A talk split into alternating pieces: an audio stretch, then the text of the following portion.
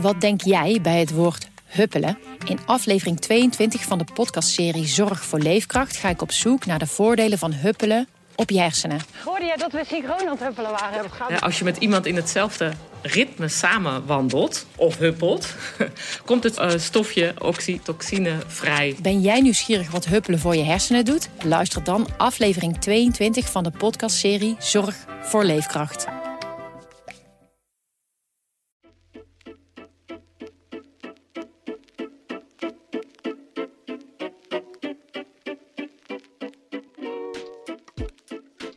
Hallo, dit is Haags Half Uurtje, de politieke podcast van Trouw, waarin je alles hoort over het belangrijkste nieuws uit Den Haag en hoe dat ons leven beïnvloedt. We gaan de diepte in en vertellen je dingen die je niet in de krant leest. Mijn naam is Christel Smit en deze week spreek ik met mijn collega die onder meer de formatie eh, op de voet volgt, Janne Chaudron. Welkom Janne. Dankjewel.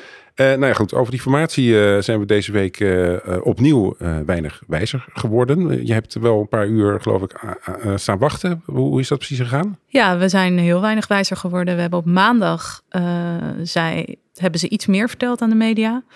over dat het hele pittige gesprekken zijn. Dat is wat we weten. Volgens mij loopt de spanning op.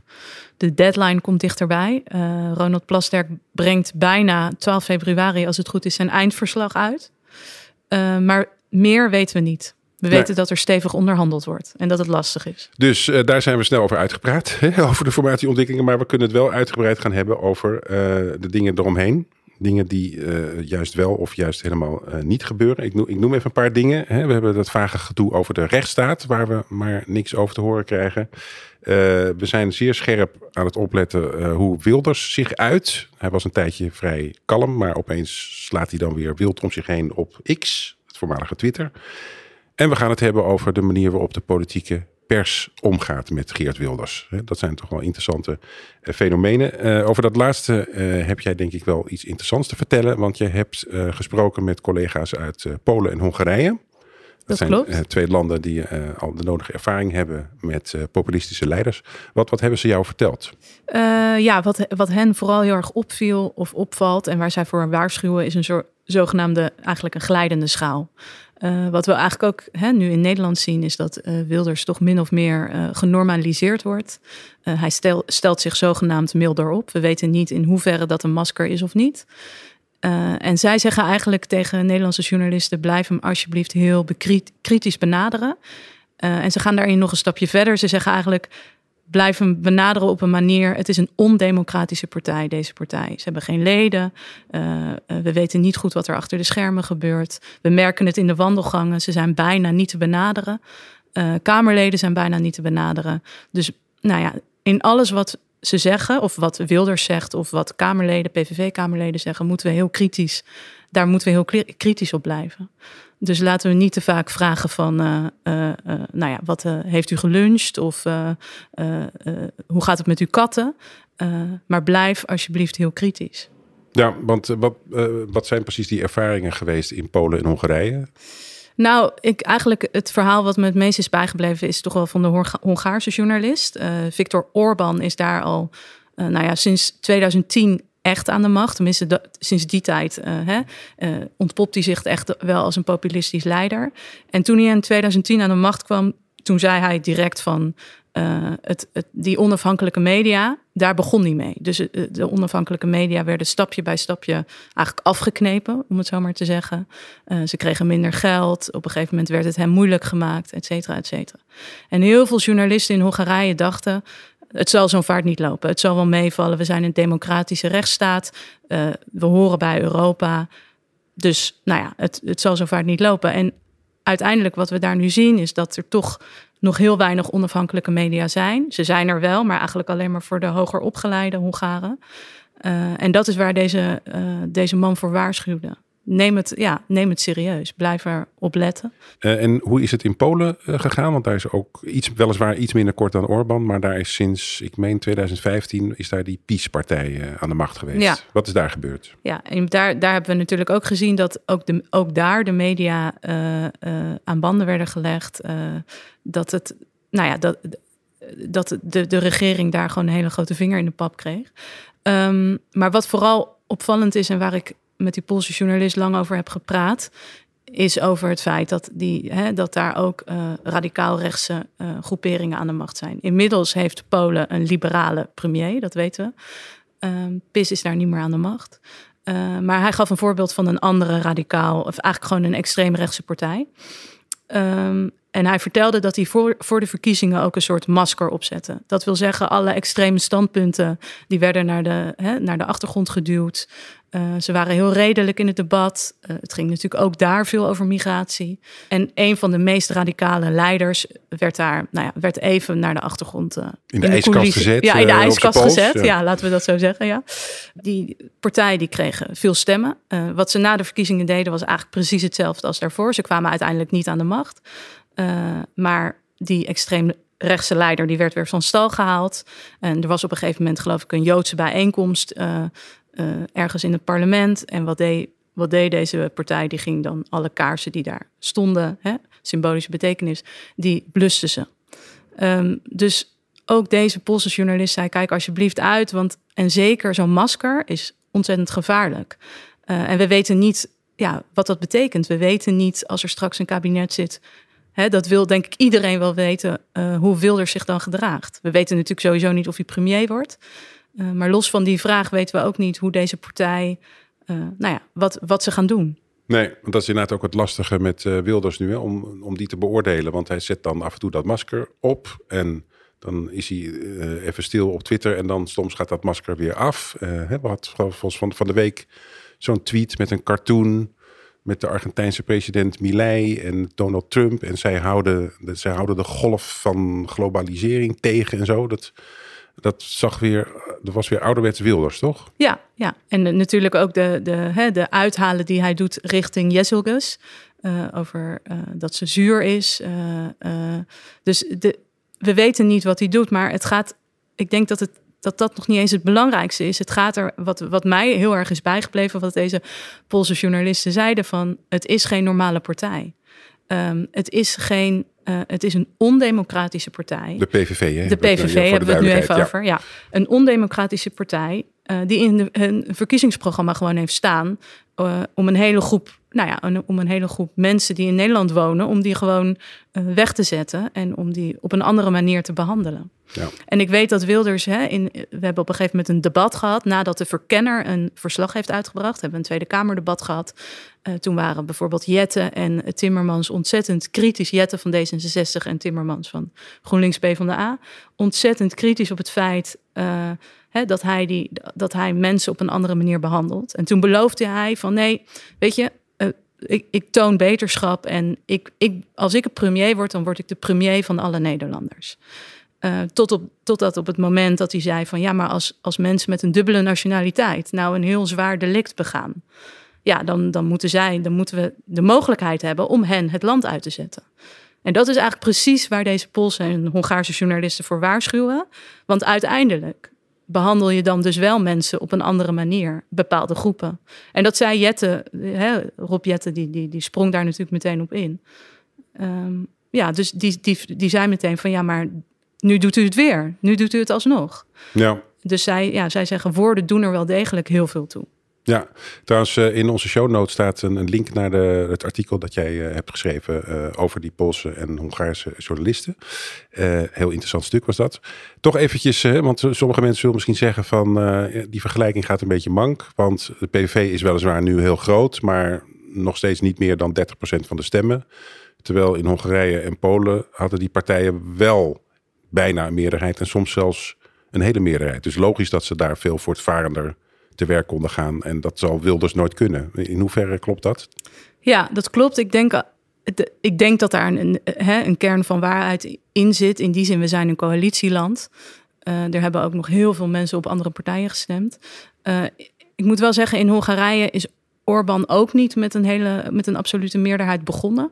En ook Orbán was ooit een liberale politicus, net als Wilders eigenlijk. Hè. Die is natuurlijk ook afkomstig van de VVD.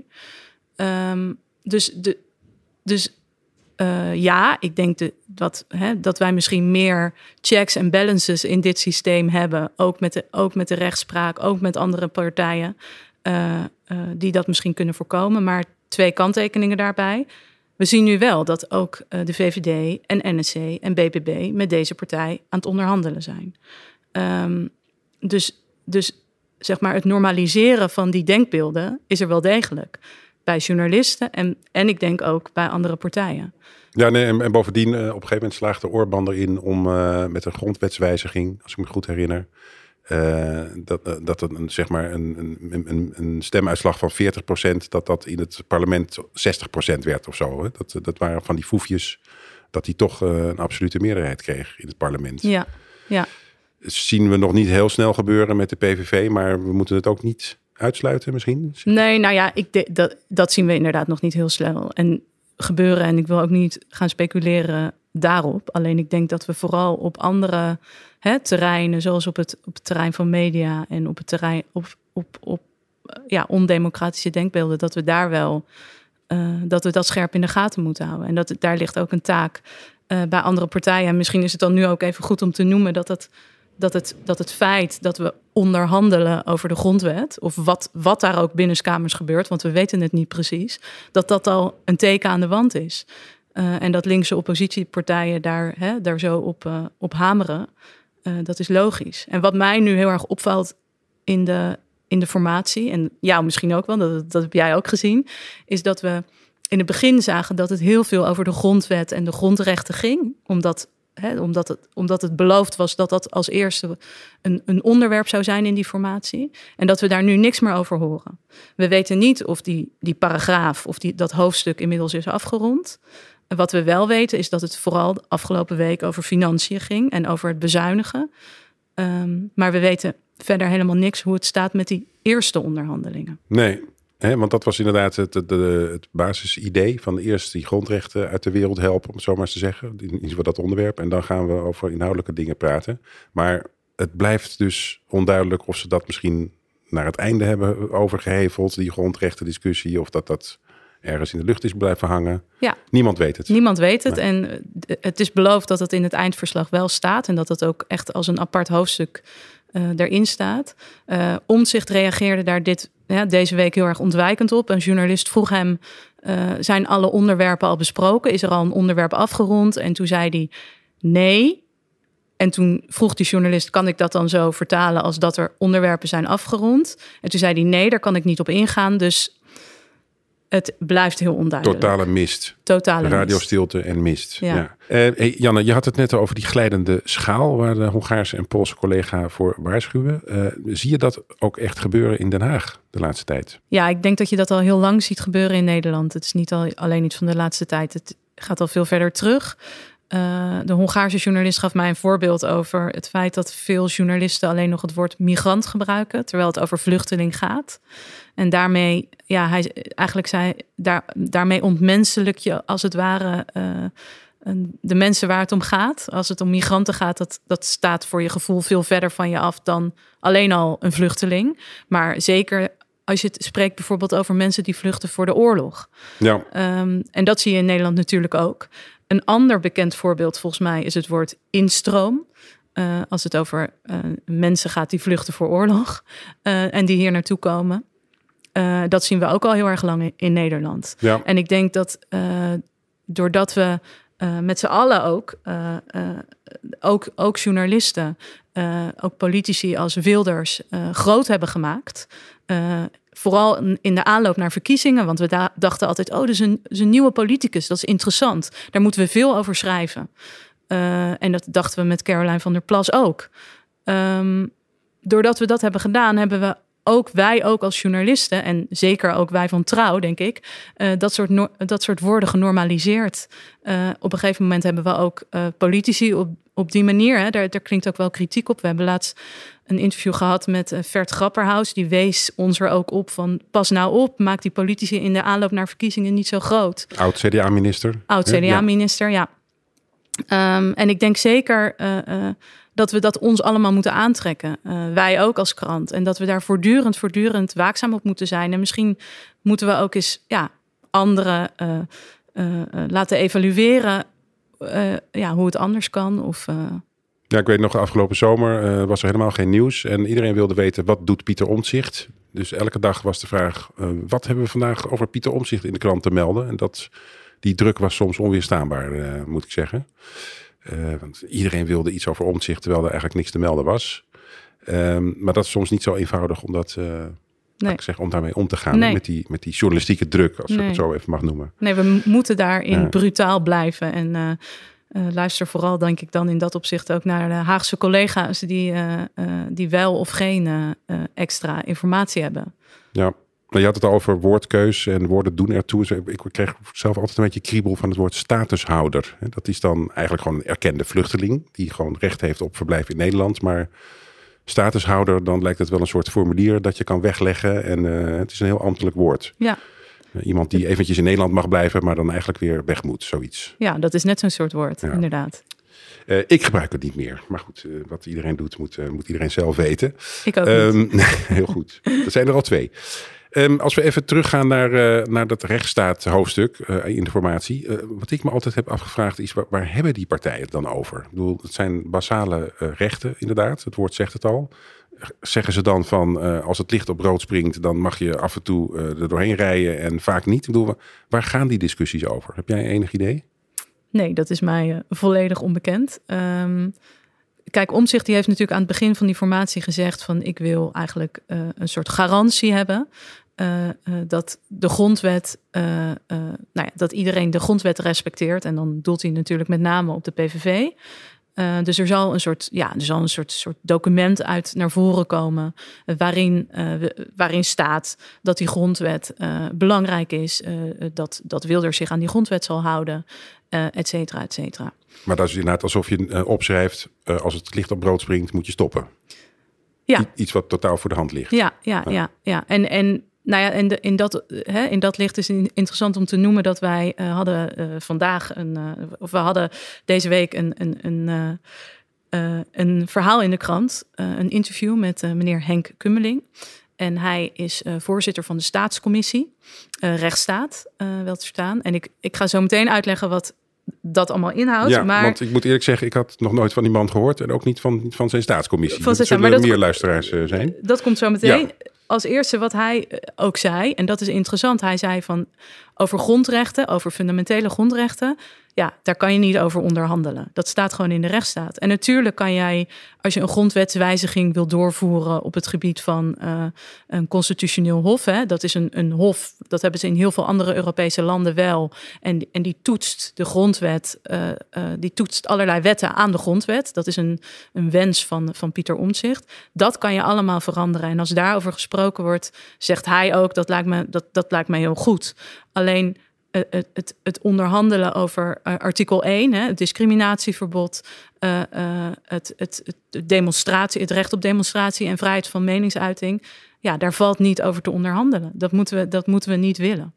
Ja, en, maar goed, hij heeft, hij die staatscommissie is nog lang niet klaar. Hè? Met, die komt pas ergens in de zomer met een rapport. Maar toch vond hij dit het goede moment om zich in de discussie te mengen. Ja, toch? dus interessant, want de, de staatscommissie is eigenlijk uh, is in het leven geroepen nadat uh, Pieter Omtzigt toen nog in zijn oude rol als CDA een motie indiende. Het was eigenlijk een soort reactie op het toeslagenschandaal. Uh, en de wens was om, um, om nou, een commissie te hebben die, die eigenlijk de hele rechtsstaat doorlicht. Dus uh, alle, uh, nou ja, de, de uitvoerende macht, de rechtsprekende macht en de uh, controlerende macht. Zeg ik het nu goed? Nee, hè, Christophe? Uh, ik zeg het fout. Ja, ik heb ze nu even, nu ben ik ook in de war. Nu ben je maar in ieder geval, het zijn er drie. Het zijn er drie. ja. Um, de hele rechtsstaat moet worden doorgelicht. Die moet worden versterkt. Hè? Uh, er moet meer geld naar de rechtsstaat. En, het, en die moet toegankelijker worden voor burgers. En dan gaat het met name om uh, gemeenten die je makkelijker kan bellen als je bijvoorbeeld een, een probleem hebt met je uh, toeslag of zo. Dus dat, dat is, dat, die is er gekomen. En het oorspronkelijke plan was dat deze commissie uh, voor de Tweede Kamerverkiezingen een advies zou uitbrengen. En dan zouden alle politieke partijen dit kunnen opnemen in hun verkiezingsprogramma's. En dan zou dat allemaal ja, een belangrijk onderdeel worden van de nieuw te vormen regering. Maar wat gebeurde er? Het kabinet viel uh, en die commissie is nog lang niet klaar met zijn werk.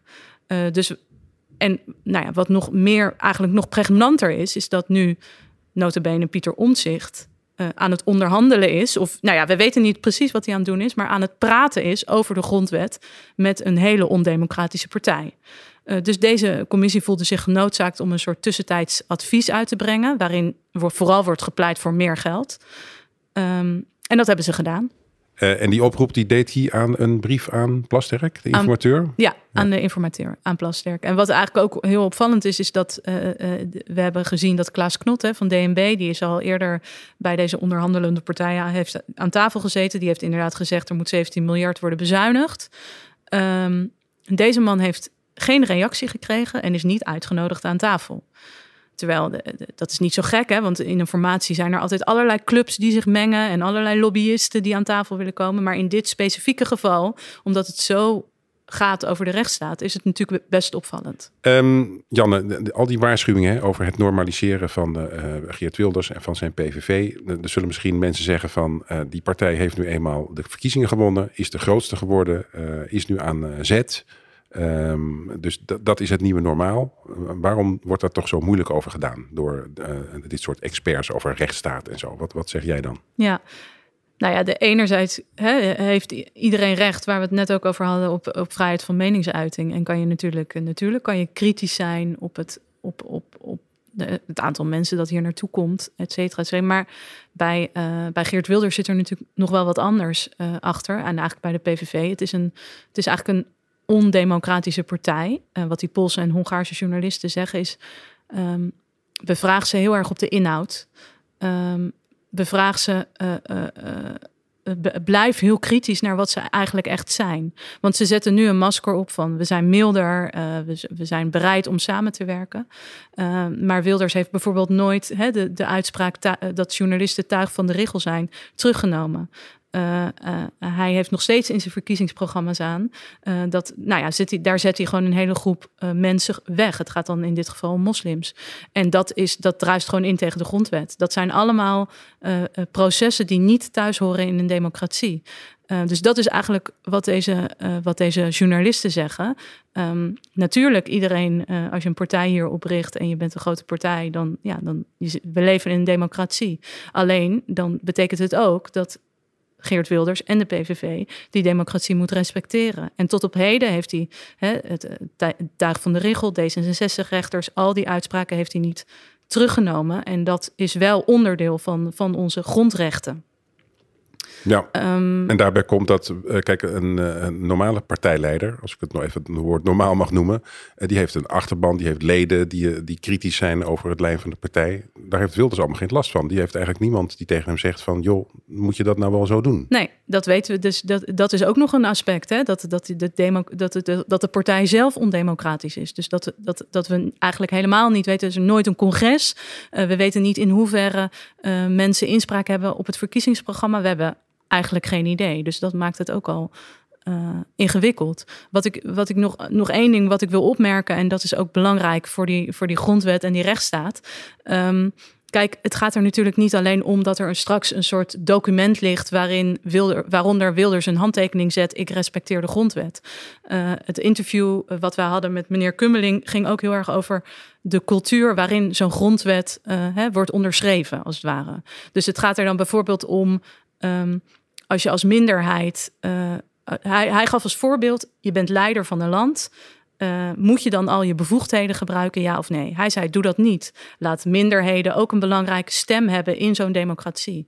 En dat is eigenlijk eh, in autoritaire staten, en dat zien we in Polen, zagen we in Polen en, en, zien we in Hongarije, gebeurt dat niet. En dat is eigenlijk precies waar die, waar die uh, Poolse en Hongaarse journalisten voor waarschuwen. Kijk uit voor de cultuur, kijk uit voor het normaliseren en blijf het radicalisme, want ja, Wilders is radicaal, blijf het kritisch bevragen. Nou, Janne, ik ben er bijna stil van. Uh, dit is een uh, geweldig uh, einde van, van jouw analyse, denk ik. we moeten allemaal scherp blijven en dat zullen we zijn. Um, dit was Haags half uurtje voor deze week. Um, deze podcast wordt gemaakt door Michael Royal en George Paul Henneberken. mijn naam is Christophe Smit. en volgende week zijn we er weer. Tot dan.